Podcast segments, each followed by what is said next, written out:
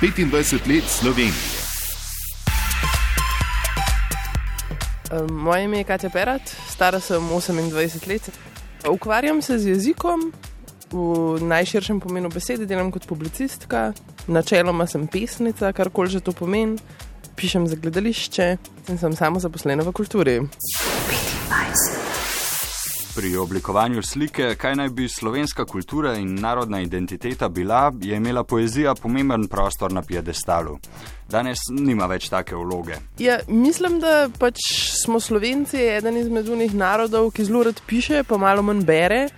Kar bi verjetno v prevodu pomenilo, da imamo težave z narcisizmom, pa da najrajši poslušamo sami sebe, za druge nam je pa bolj kot ne vse en.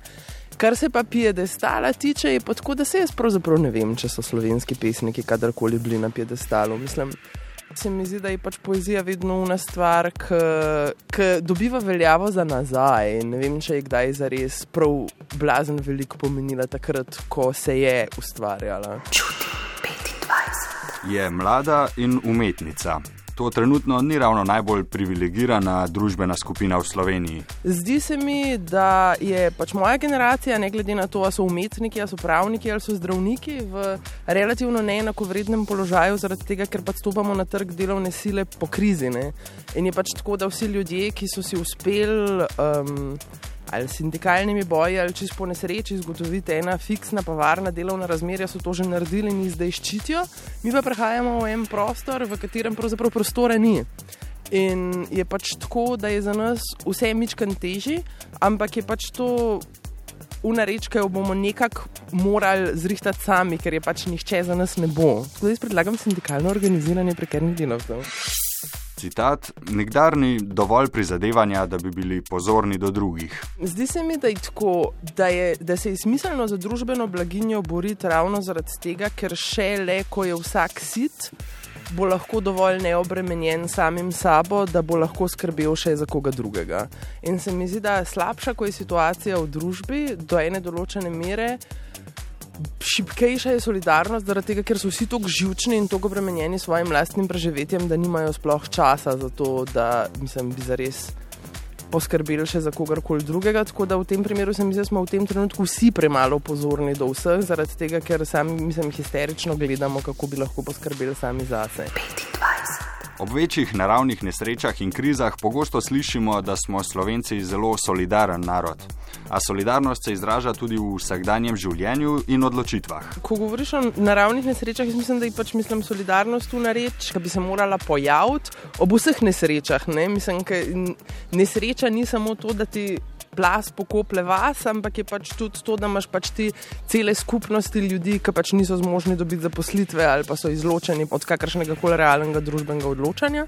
In se mi zdi, da v tem smislu Slovenci postanemo solidarni samo takrat, kadar je nekaj tako očitno, da se ne da spregledati. Smo pa tudi mojstri v tem, da si prikrivamo stvari, ki bi morale postati očitne, pa ne. Tako da v tem smislu se mi zdi, da smo absolutno premalo solidarni.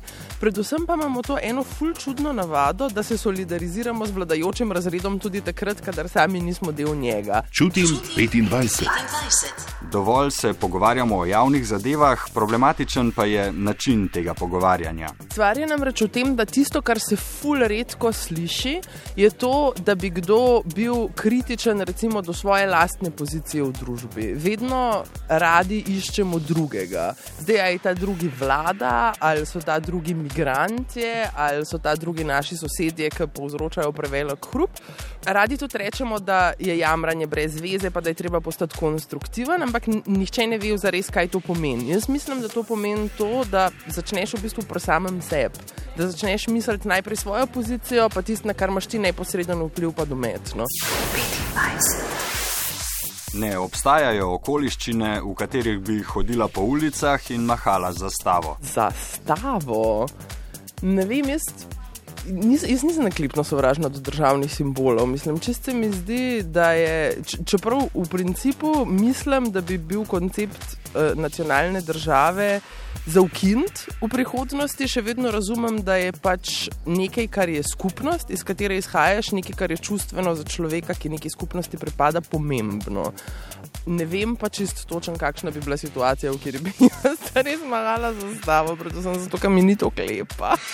Družbeni napredek zaostaja, ker nimamo jasno zastavljenih ciljev in ukrepov za dosego teh ciljev. Zelo radi relativiziramo stvari, takrat, kadar bi bilo treba kaj narediti. Tako da se mi zdi, da bi bilo zagotovo ful dobro imeti malo bolj jasne predstave o tem, zakaj nam gre, sam dokler bi te jasne predstave ostajale na ravni dobrega se mi zdi, da ko ti začneš jasne predstave graditi na sovraštvu, si takoj že v nevarnosti.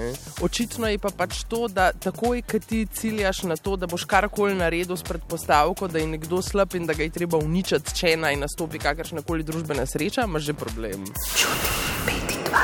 Čez 25 let bo pesem, ki bi odsevala stanje duha v Sloveniji, povsem drugačna od današnje. Ne vem, fulje težko. Sej, mislim, jaz se spomnim, da sem bila še mehna, pa so bila 90, pa smo bili vsi polni tega velikega optimizma, pa prosperitete, pa Slovenija je vstopala počasi v Evropsko skupnost, pa vse je fulje dobro kazalo.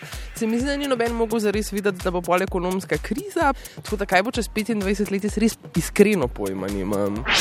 25 let samostojne Slovenije. Čutim 25. 25. 202. Vse najboljše. Več na tematskem spletnem mestu Slovenija 25.